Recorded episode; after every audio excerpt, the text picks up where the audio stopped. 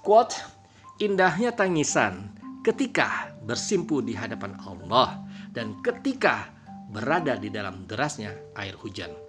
Irdon Abdurrahman Sahli Rahab bulan Agustus tahun 2021. Mengapa dalam kehidupan manusia pasti ada kebahagiaan dan kesedihan? Karena kebahagiaan dan kesedihan Allah yang menciptakannya agar manusia menyadari nikmatnya kebahagiaan agar dapat bersyukur dan berbagi.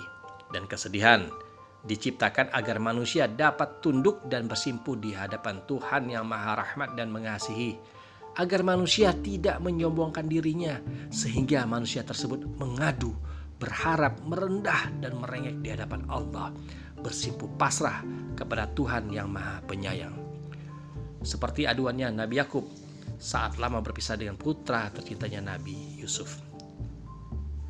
Diriwayatkan dalam Al-Quran surah Yusuf ayat 86 yang artinya Yakub menjawab, Sesungguhnya hanyalah kepada Allah aku mengadukan kesusahan dan kesedihanku dan aku mengetahui dari Allah apa yang kamu tiada mengetahuinya.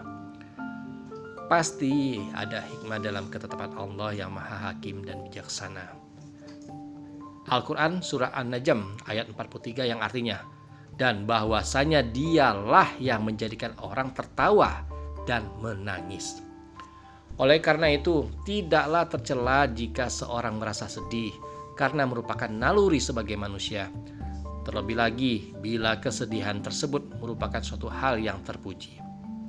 Ketika bersedih ingatlah bahwa Allah selalu bersama hambanya dan berdoalah kepadanya.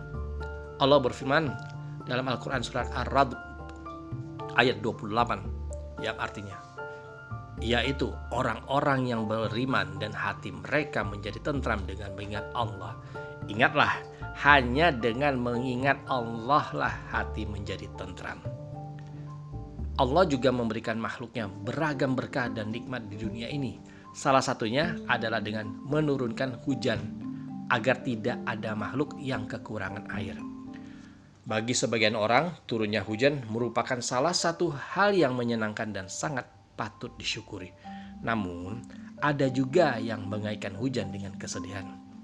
Dan memang, terasa begitu nikmat ketika tiada seorang pun yang mengetahui kesedihan hati, menangis dalam derasnya air hujan, berzikir dan merenungkan bahwa matahari akan muncul kembali setelah hujan.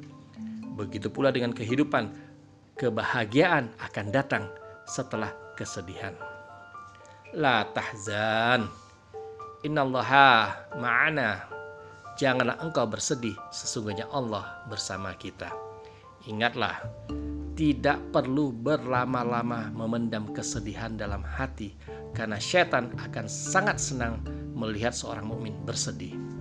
Allah mengabarkan dalam firman-Nya dalam Al-Qur'an surah Al-Mujadilah ayat 10 yang artinya Sesungguhnya pembicaraan rahasia itu adalah dari setan supaya orang-orang yang beriman itu berduka cita.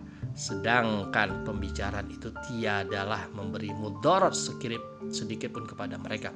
Kecuali dengan izin Allah dan kepada Allah lah hendaknya orang-orang yang beriman bertakwakal. Ikhlaskan sepenuhnya hanya kepada Allah bahwa semua yang telah Allah takdirkan pasti terjadi dan sabar merupakan senjata paling ampuh bagi orang beriman. Wallahu a'lam bishawab. Semoga bermanfaat. Wabillahi taufik wal hidayah. Wassalamualaikum warahmatullahi wabarakatuh.